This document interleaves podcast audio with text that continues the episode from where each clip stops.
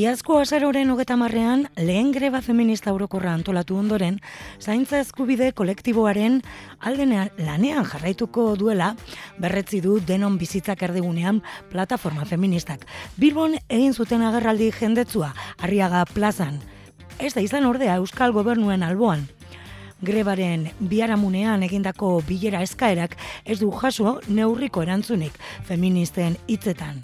Mobilizatzeko deia egin dute, zaintzen krizia agendan mantentzeko, aktibazio soziala sustatzeko eta arduradunak interpelatzeko. Jarraian, nere azubizarreta Monterok irakurritako testua entzungo dugu.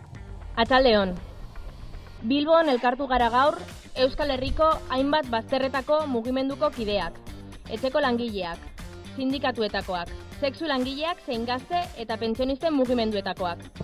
Azaroaren hogeta marrean antolatutako grebaren ondotik lanean jarraitzen dugulako, eta horren berri eman nahi dugu beste behin ere. Ia irureunkide elkartu ginen urtarriaren hogeta sortzean gazteizen, Asamblada Feminista Nazionalean.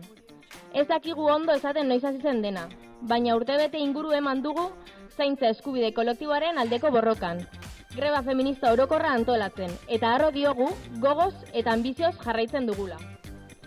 Hogeta sortziko asamladan, igande batez, greba eguna bera eta ordurarteko lana baloratu genuen. Prozesuan zehar azaleratutako gatazkak, indarguneak eta aurrera pausoak aipatu genituen. Eta esan dezakegu, hemendik aurrerako erronkak adostu eta beharrezko tresnak identifikatu genituela. Zaintza eskubide kolektiboa bermatzeko, zaintza sistema publiko eta komunitariora bidean, estrategia amankomunak josi eta aldi berean, zaintzen problematika agendaren erdigunean jartzera goaz. Asamblea feministetan antolatuta jarraitzen dugu, eta greba komite batzuek ere beraien bidea egiten ari dira.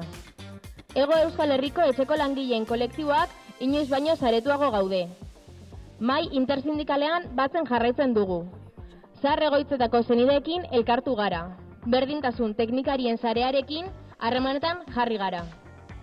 Grebagunean, besteak beste, instituzio guztiei denon bizitzeko, bizitzekiko ardura exigitu genien. Urrengo egunean bertan, mai interinstituzional bana eskatu genien Euskal Gobernuei.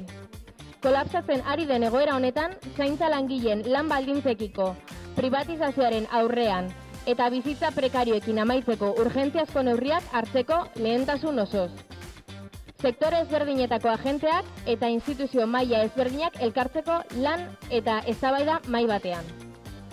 Baina ez dugu neurriko erantzuni jaso. Hori gutxi balitz, prentsati jaso dugu ustezko itun baten berri.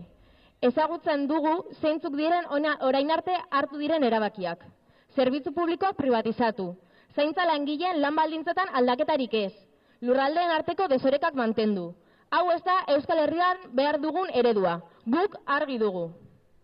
Lehentasunez mobilizatzen jarraituko dugu. Mobilizazioen bidetik jarraituko dugu. Zaintzan, zaintzen krizia agendan mantendu, aktibazio soziala sustatu eta arduradunak interpelatzeko. Aldi berean, herri akordioan sakontzeko aukera sustatuko dugu. Sektore ezberdinetatik zaintzen gaia agendan hartu eta edukietan adostasunak eta lehentasunak bilatzeko. Orain, Euskal Autonomia Erkidegoan hauteskunde kanpaina betean sartuko gara alderdiei dagokien ardura eskatzen diegu. Zen neurri hartuko dituzue lehentasunez?